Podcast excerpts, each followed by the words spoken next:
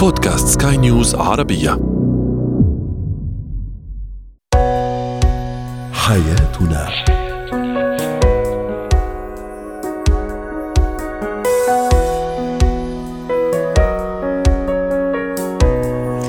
مستمعينا الكرام أهلا بكم معنا إلى حياتنا فضاؤكم اليومي الذي يعنى بشؤون الأسرة وباقي الشؤون الحياتية الأخرى والذي يمكنكم الاستماع إليه عبر منصة سكاي نيوز عربيه dot com slash podcast وباقي منصات سكاي نيوز العربية الأخرى. شاركونا عبر رقم الواتساب 00971 561 886223 معي أنا آمال شاب. اليوم نتحدث عن أهمية وفوائد الاعتذار بين الزوجين. أيضا ما خطورة تدخل الأباء في تقرير مصير أبنائهم من الناحية العلمية؟ العلمية والتخصص الجامعي. وأخيرا نتعرف على اتكات ارتداء الملابس أو الإكسسوارات بشكل خاص الشتوية. ما هي أو ما هو هذا الاتكات؟ هو وهي. لا شك أن الاعتذار بين الزوجين من المبادرات المهمة والضرورية التي تضمن تخفيف التوتر في العلاقة الزوجية والتمهيد لإيجاد حلول حقيقية وفعالة للمشاكل الزوجية. ليس هذا فقط الاعتذار أيضا ينعكس على جميع أفراد الأسرة وليس على الزوجين. دعونا نتعرف على أهمية وفوائد وطرق الاعتذار ومتى وكيف نعتذر للشريك. للحديث عن هذا الموضوع رحبوا معي ودكتور خليفة المحرزي رئيس المجلس الاستشاري الأسري ضيفنا العزيز. سعد أوقاتك دكتور خليفة. أهلا وسهلا فيك. كل عام وأنت بخير. عامك سعيد. وأتمنى لك سنة سعيدة فيها. كثير من النجاح والتوفيق والصحة. والسلام. كان هذا سؤالنا التفاعلي كيف تعتذر؟ إذا أخطأت في حق الشريك دعني أستعرض بعض تعليقات السادة المستمعين. دكتور غيث يقول الاعتذار فن وهنا تختلف الأساليب فمنها الاعتذار المباشر وهو الأصدق ومنها الاعتذار غير المباشر وهو الأذكى. وما بين الصدق والذكاء ثمة حقائق تظهر وأخرى يطويها النسيان. شخصيا أعتذر مباشرة أحيانا هو بصورة غير مباشرة أحيانا. أكثر. المهم أن الشمس لا يخفيها غربالك مهما كبر. شكرا لك دكتور غيث على هذا التعليق. التعليق الجميل في كثير من العمق والطرفة أيضا. دكتور خليفة كيف أعتذر ومتى أعتذر للشريك؟ العلاقة الزوجية يجب أن تصان بشكل دائم عبر التاءات الخمس اللي نسميها تاء التطوير والتحسين والترميم. الترميم هذا جزء لإصلاح أي جزء مصاب في العلاقة الزوجية، لا توجد هناك أي علاقة زوجية لا يتعرض خلالها الطرفان إلى شيء من الخلل أو الزلل، وهذا أمر طبيعي تشوب أي علاقة زوجية. المشكلة عندما يمارس أحدهما ثقافة تفسير الاعتذار باخراجه من مضمونه الأساسي. ألا وهي خاصة عند الرجل أكثر من المرأة. الكثير يربط مسألة الاعتذار بالكبرياء بالرجولة بالضعف بالخضوع بالانكسار وهذا أمر غير صحيح البتة. لذلك يجب أن نفسر مفهوم الاعتذار والتركيز أن الاعتذار هو لترميم الجزء المصاب في العلاقة. الاعتذار يأتي لتخفيف المشكلة الاعتذار يأتي لإطفاء الاحتقان. ولا نأخذ الاعتبار بمسائل شخصية نسمي لغة الشخصنة لأن الأمر سيتحول إلى مزيد من التوتر بين الشريكين. رائع. أو معركة كسر عظام. هنا في تعليق أنا لفتني صراحة من سيدة تقول أنا لا أعتذر حتى وإن أخطأت فهو الذي يجب أن يعتذر وهو دائما المبادر في الاعتذار. تعليق آخر يقول زوجي لا يرضى بالاعتذار. يعني شوفي يا دكتور يعني تنوعت الإجابات. كل همه وكل وطريقته في الاعتذار وكل وطريقته في تقبل هذا الاعتذار. كيف أعتذر بشكل صحي يا دكتور؟ وأختار الوقت المناسب. يجب أن نفهم بأن الاعتذار دلالة على النضج والوعي لدى الإنسان. ومفهوم عدم الاعتذار دلالة واضحة على مستوى ضعيف من الفكر على مستوى ركيك من الفهم على مفهوم ضعف الثقة في الذات لأنه هو قاعد يفسر الاعتذار بمسائل متعلقة بذاته بمنظومة القيم. يجب أن نقاوم مبدأ الكبرياء. ليس من حق يعني المخطئ طيب أن يتمسك بمبدأ المكابرة في الخطأ. لكن لأن الاعتذار ليس ضعف ولا يمس الكبرياء بشيء وإنما نحاول التركيز على أساس ومضمون الاعتذار وهو الحفاظ على العلاقة الزوجية أيوه. صيانة المشاعر ما بين الزوجين. دام تحكي على الحفاظ على الحياة الزوجية دكتور خليفة أحيانا أنا أنا لست بمخطئة لكن أنا أبادر كزوج أو زوجة خلص حتى يمشي المركب. هل هذا صحي ولا لا يفضل المخطئ هو الذي يعتذر ولا ممكن أحيانا يعني هيك وهيك حسب الموقف؟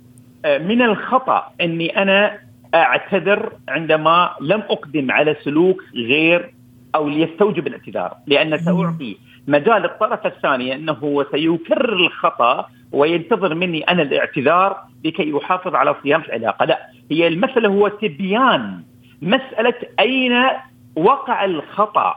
وأنا في حالة الانتظار لكي تقوم بإصلاح الوضع، أخبر الطرف الثاني يعني بدل ما أنا أذهب واخبره والله أنا أعتذر لك وهو الذي أخطأ في تصرفي مثلا أخبره بأن هنالك ثمه خطأ وهنالك ثمه سلوك يستوجب منك اصلاحه من خلال تعديل الوضع بخلال الاعتذار بخلال تخطيط إجراء سريع جدا من خلال كلمة من خلال هدية لأن اعتذار الرجل عادة ما يكون لفظي أكثر ما يكون سلوكي. هذا كمان كنت راح أسأله دكتور خليفة في اعتذار مباشر في اعتذار غير مباشر هل هذا يحدد الموقف؟ هل هذا يحدد طبيعة الشخص طبيعة الشريك؟ زي ما عم تتفضل يعني اعتذار الرجل غير اعتذار المرأة تقبل الرجل للاعتذار غير تقبل المرأة للاعتذار. يا ريت أيضا ضوينا على هالنقطة. هو طبيعة الرجل السيكولوجية مسألة الاعتذار اللفظي ليست من ضمن أولوياته وإنما هو يبادر بالاعتذار السلوكي نحن نسميه. هو قاعد يعطي رسالة مثلا صار زعل بينه وبين زوجته المساء يلا تعالى خلينا نروح السينما تعالي خلينا نذهب إلى تناول مثلا وجبة عشاء. طيب والاعتذار وين راح؟ هو قاعد يعتذر بطريقة سلوكية. صحيح. المرأة عندما لا تستوعب خارطة الرجل السلوكية تفهم بأن هذا استغفال وتقليل من احترامها أنه تجاوز الموقف وكأنه ما صار شيء له. هو قاعد يعطي رسالة غير مباشرة. لذلك الفهم المشترك ما بين الطرفين يساعد على تجاوز مثل هذه المواقف. لا يعني ما في عيب أن الرجل يأتي بالاعتذار المباشر ثم يتبعه بالاعتذار الغير مباشر من لغة الإطفاء. لذلك الرجل يجب أن يتخلى عن فكرة بأن الاعتذار للمرأة هذا فيها ضعف للشخصية أو في هذا انكسار لذاتي أنا وإنما هي دلالة مباشرة معاكسة تماما. دلالة أن الإنسان واعي لديك ثقة جدا عالية وأن هذا الاعتذار لا يقلل من مكانتك أمام زوجتك. رائع وأهم شيء أيضا دكتور خليفة بعد هالاعتذار أنه يعني نتراجع عن الشيء اللي خلانا نعتذر أه؟ لأنه ما فائدة إني مثلا أنا أخطئ في حق الشريك ثم أعتذر ثم أبادر زي ما عم تفضل حضرتك ممكن بشكل مباشر بشكل غير مباشر ثم أعيد مرة أخرى بعد أسبوع أسبوعين نفس الخطأ أقصد هنا الاعتذار راح يفقد قيمته ومعناه إذا تكرر نفس الخطأ الاعتذار سيتحول إلى مجرد كلام لا فائدة آه. إذا استمرت الإساءة والأذى دون أن يتغير أي شيء. الاعتذار ليس فقط أن يكتفي بتقديم التعهد أو الالتزام بعدم تكرار الخطأ، لا وإنما هو مسألة الالتزام والاهتمام والاحترام ثلاثة مسائل أساسية تتبع عملية الاعتذار الاعتذار حتى يكون صادق يحتاج إلى ممارسة مغايرة عن السلوك السابق وهذا أكبر دليل أن هذا الاعتذار نابع من إنسان حريص على صيانة العلاقة الزوجية. رائع. دكتور خليفة حتى نختم مع حضرتك وجانا تعليق صراحة وأنا عم أقرأ كمان تعليق آخر. زوجي يرفض الاعتذار تماما أو زوجتي أيضا ترفض الاعتذار تماما. طيب إيش الحل مع الأزواج والزوجات اللي فعلا عنيدين حتى إذا اعتذرت مرة مرتين ثلاثة بطرق مباشرة وأخرى غير مباشرة لكن يبقى دائما مكابر حتى إذا أنا اعتذرت وبادرت وبادرت؟ لا بد من الحديث والتحاور والتناقش مع شريك في أوقات الهدوء بأننا عندما نصل إلى منطقة فيها نوع من الخلاف أو الصدام لا بد من إرساء بعض المرونه بعض المرونة والتنازل عن ذلك عن تلك المواقف، لا نحتاج إلى التصلب، لا نحتاج إلى العناد، لا نحتاج إلى التمسك بالآراء وإنما المزيد من المرونة وهذا دلالة على وجود نوع من الذكاء العاطفي، إني أنا أحاول أوصل حق الطرف الثاني، الاعتزاز بالتمسك بالرأي في مثل هذه المواقف سيزيد من سوء العلاقة فيما بيننا وإنما نحتاج إلى مزيد من المرونة والذكاء العاطفي و فهم احتياجات الطرف الآخر في إيصال العلاقة إلى مرحلة آمنة ومستقرة. شكرا لك دكتور خليفة المحرزي رئيس المجلس الاستشاري الأسري ضيفنا العزيز من دبي وأتمنى لك يوم سعيد. زينة الحياة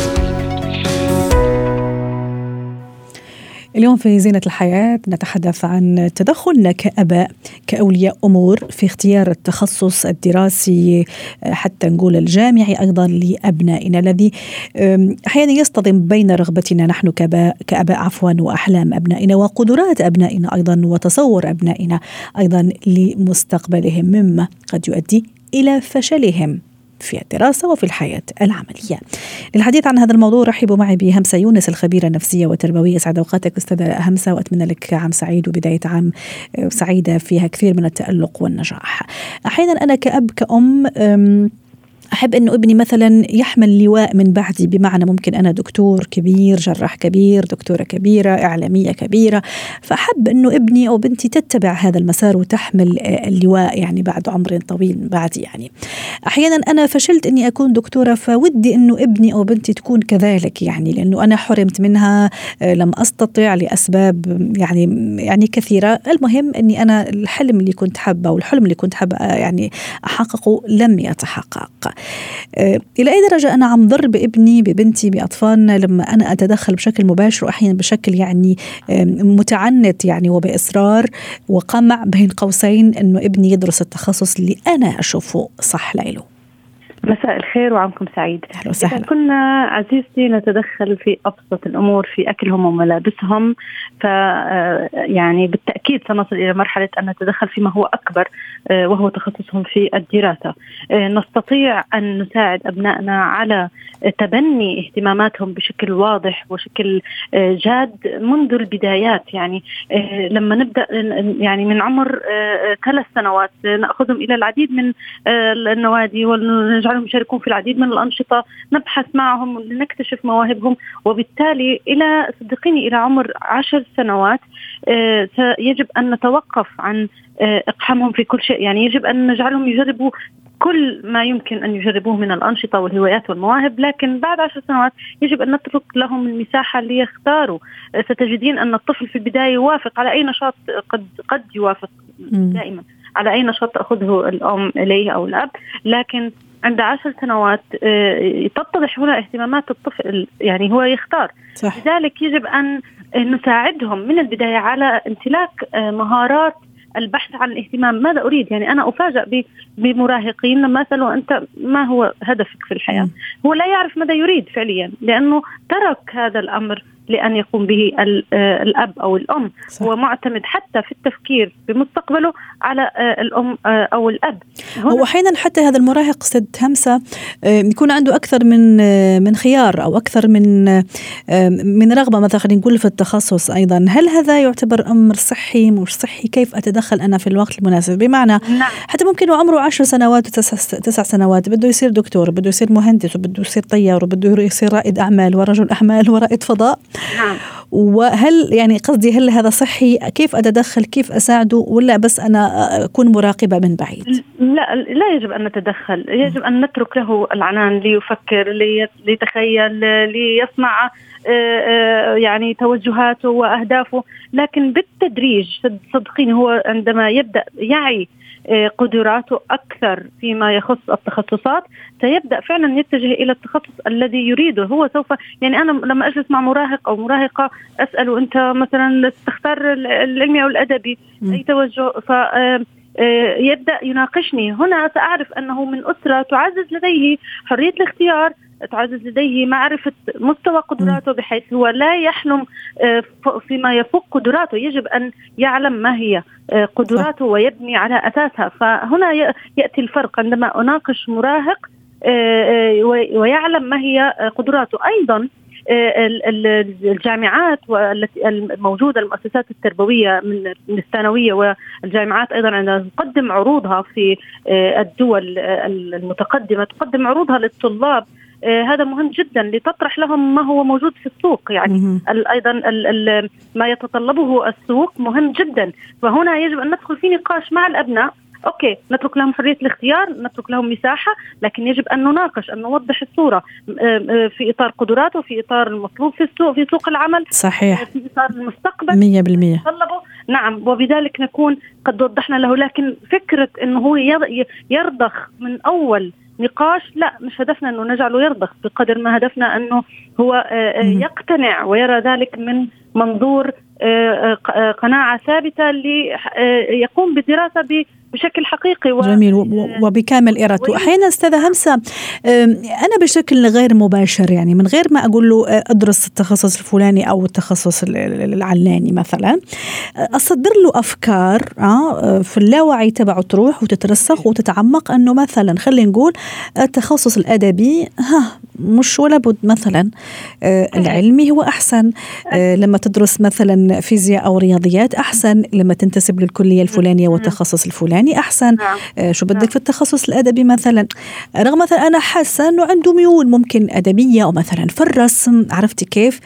نعم. فاحيانا أنا أصدر هالأفكار بشكل غير مباشر حتى أقول له stop يعني لا تفكر في هذا في هذا التخصص. صحيح, صحيح هاي البرمجة بتبدأ حتى هم صغار أنت حتكون دكتور أنت الدكتور الفلاني أنت المهندس الفلاني. أنا أستطيع أن أدعمه إذا كانت من باب الدعم والتحفيز ممكن كل مرة أقول له لقب م. أنت المهندس فلان الدكتور فلان يعني آه، المحامي الكاتب المبدع يعني أنا ما أحصره في إطار آه، آه، مفردة معينة بحيث أنه هو يتبرمج عليها وإذا لم يكن تكن قدراته قابلة لتحقيق هذا الهدف يشعر بالفشل والإحباط. يعني أنا على فكرة واحيانا ما عندها علاقه بالقدرات على قد بالعكس. يعني ممكن عندها علاقة بالإبداع عندها علاقة بال... بشغف معين. ممكن هو عنده يعني رائع جدا في الرياضيات لكن ممكن شغفه امم تماما. تشمل حتى زي ما زي ما قلتي الشغف لكن الشغف لا يكفي. يجب أن تكون هناك مهارات أيضا آه، توازي آه، الشغف. لكن إذا فقد الشغف هنا مشكلة. يعني أنا مرت علي مراهق المنطقة آه، عندها آه، القدرات الإبداعية والقدرات العلمية والذهنية لكن فاقدة للشغف فوصلت إلى مرحلة إنها آه، وقفت في منتصف الطريق وهي تدرس في سنة أولى طب. صح. آه، أنا أنا لا أدري ما هل سأكمل هل أكمل؟ إيه تفضلي وكلامك كثير مهم قدامها نعم. تقريبا دقيقتين. آه، فعلا شفناها كثير وصارت مثلا تحت ضغط الأهل ومجتمع وأفكار يعني إيه. صدرت من هنا وهنا ممكن يرضخ هذا الولد أو هذا البنت وروحوا يدرسوا هذا التخصص. ممكن أيضا تأثر بصاحبه بصاحبتها مثلا. صحيح صحيح. اي وبعد فترة بعد سنة لا هي كملت دراسة لا هي عرفت تكمل ما عرف إيه. ممكن تروح تغير تخ... يعني ممكن في ثلاث أربع سنوات يغير ثلاث أربع تخصصات خلص الأربع سنوات يعني أصحابه أخذوا ال... ال... الشهادة هو بعده يترنح ومش عارف شو التخصص اللي يعمله. صحيح صحيح. و... وقد يعني يكمل التخصص ويقف يعني عندما يأخذ الشهادة هو لا يستطيع أن يبدع فيها وينجز في عمله لأنه لا غير مقتنع بقدرته. هو ما زال غير واثق بنفسه آه، وبقدرته على استكمال الإنجاز بعد ما آه، يأخذ الشهادة وهذا شيء خطير صح. آه، لأنه قد يكون في مواقع حساسة وفي مناصب حساسة أو وظائف حساسة قد يعني تتطلب الشغف ليس فقط الشهادة. شكرا لك أستاذة همسة يونس اسعدتينا اليوم بهذه المشاركة ضيفتنا العزيزة وأتمنى لك يوم سعيد.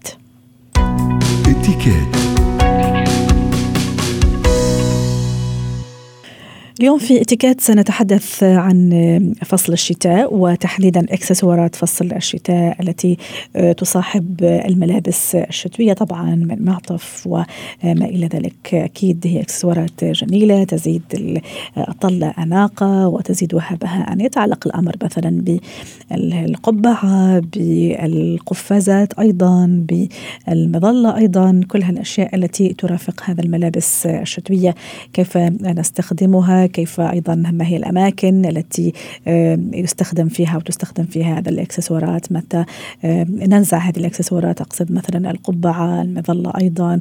إذا ما كنا في وسائل نقل عام إذا ما كنا أيضا في ممكن اجتماع. إذا دخلنا أيضا أماكن العمل المصافحة في القفازات. كل هذا أيضا من الأشياء الضرورية. أيضا الحذاء وأنتم بكرامة. في حال مثلا اتساخ وأيضا أكيد فصل الشتاء وما يصاحبه من أحيانا أمطار أحيانا وحل أحيانا آه، طين أكيد هالأشياء كلها راح تأثر على المنظر الخارجي.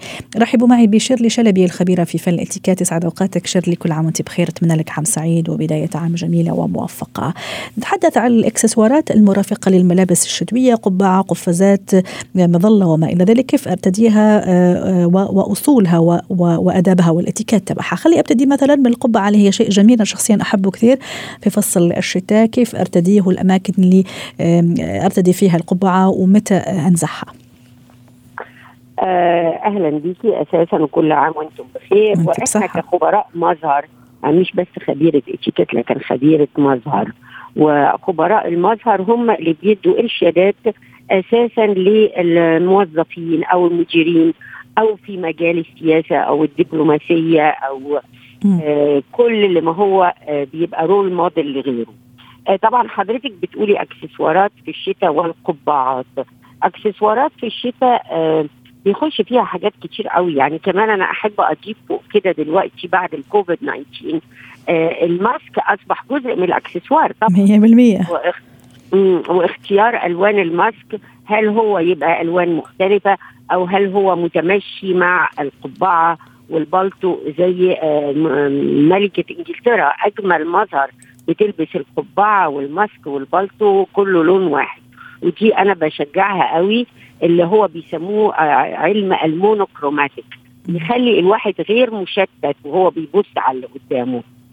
آه فطبعا نرجع بقى لموضوع القبعات في البلاد اللي هي درجة الحرارة فيها zero و minus عشرة وكده دول ما بيقدروش يسيبوا البيت من غير القبعة.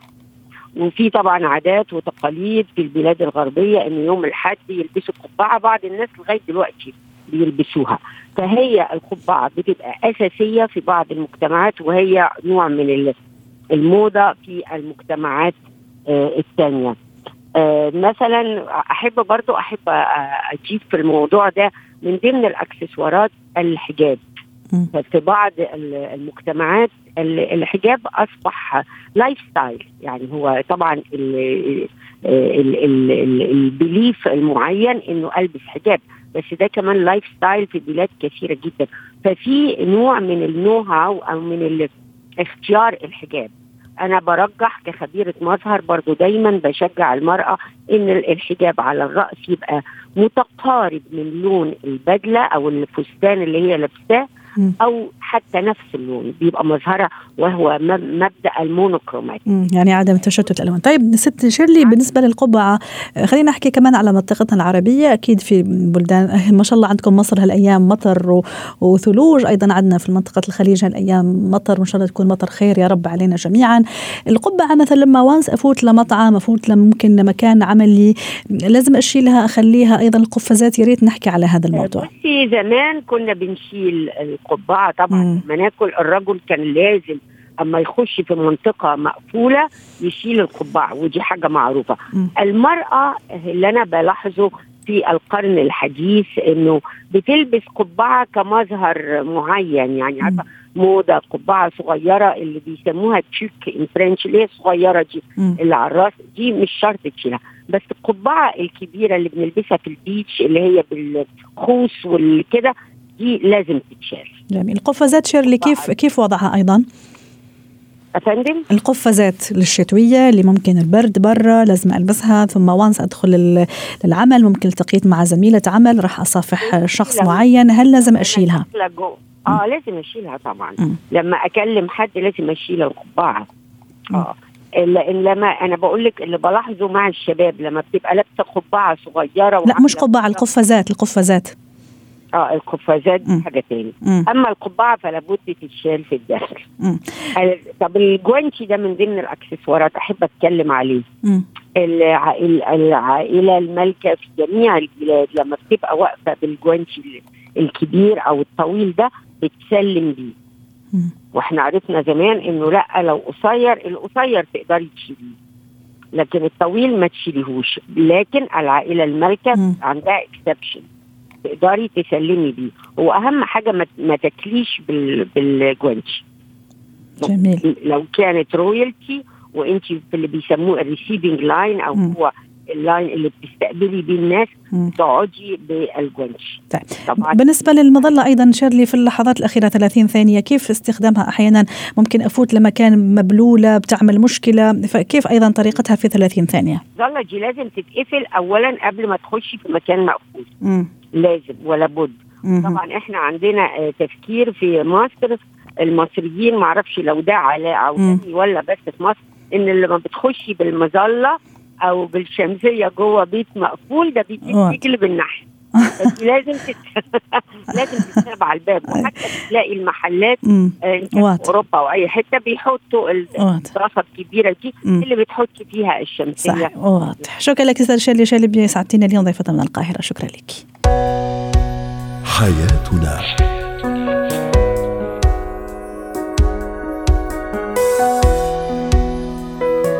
ختام حلقة اليوم من حياتنا. شكرا لكم. والى اللقاء.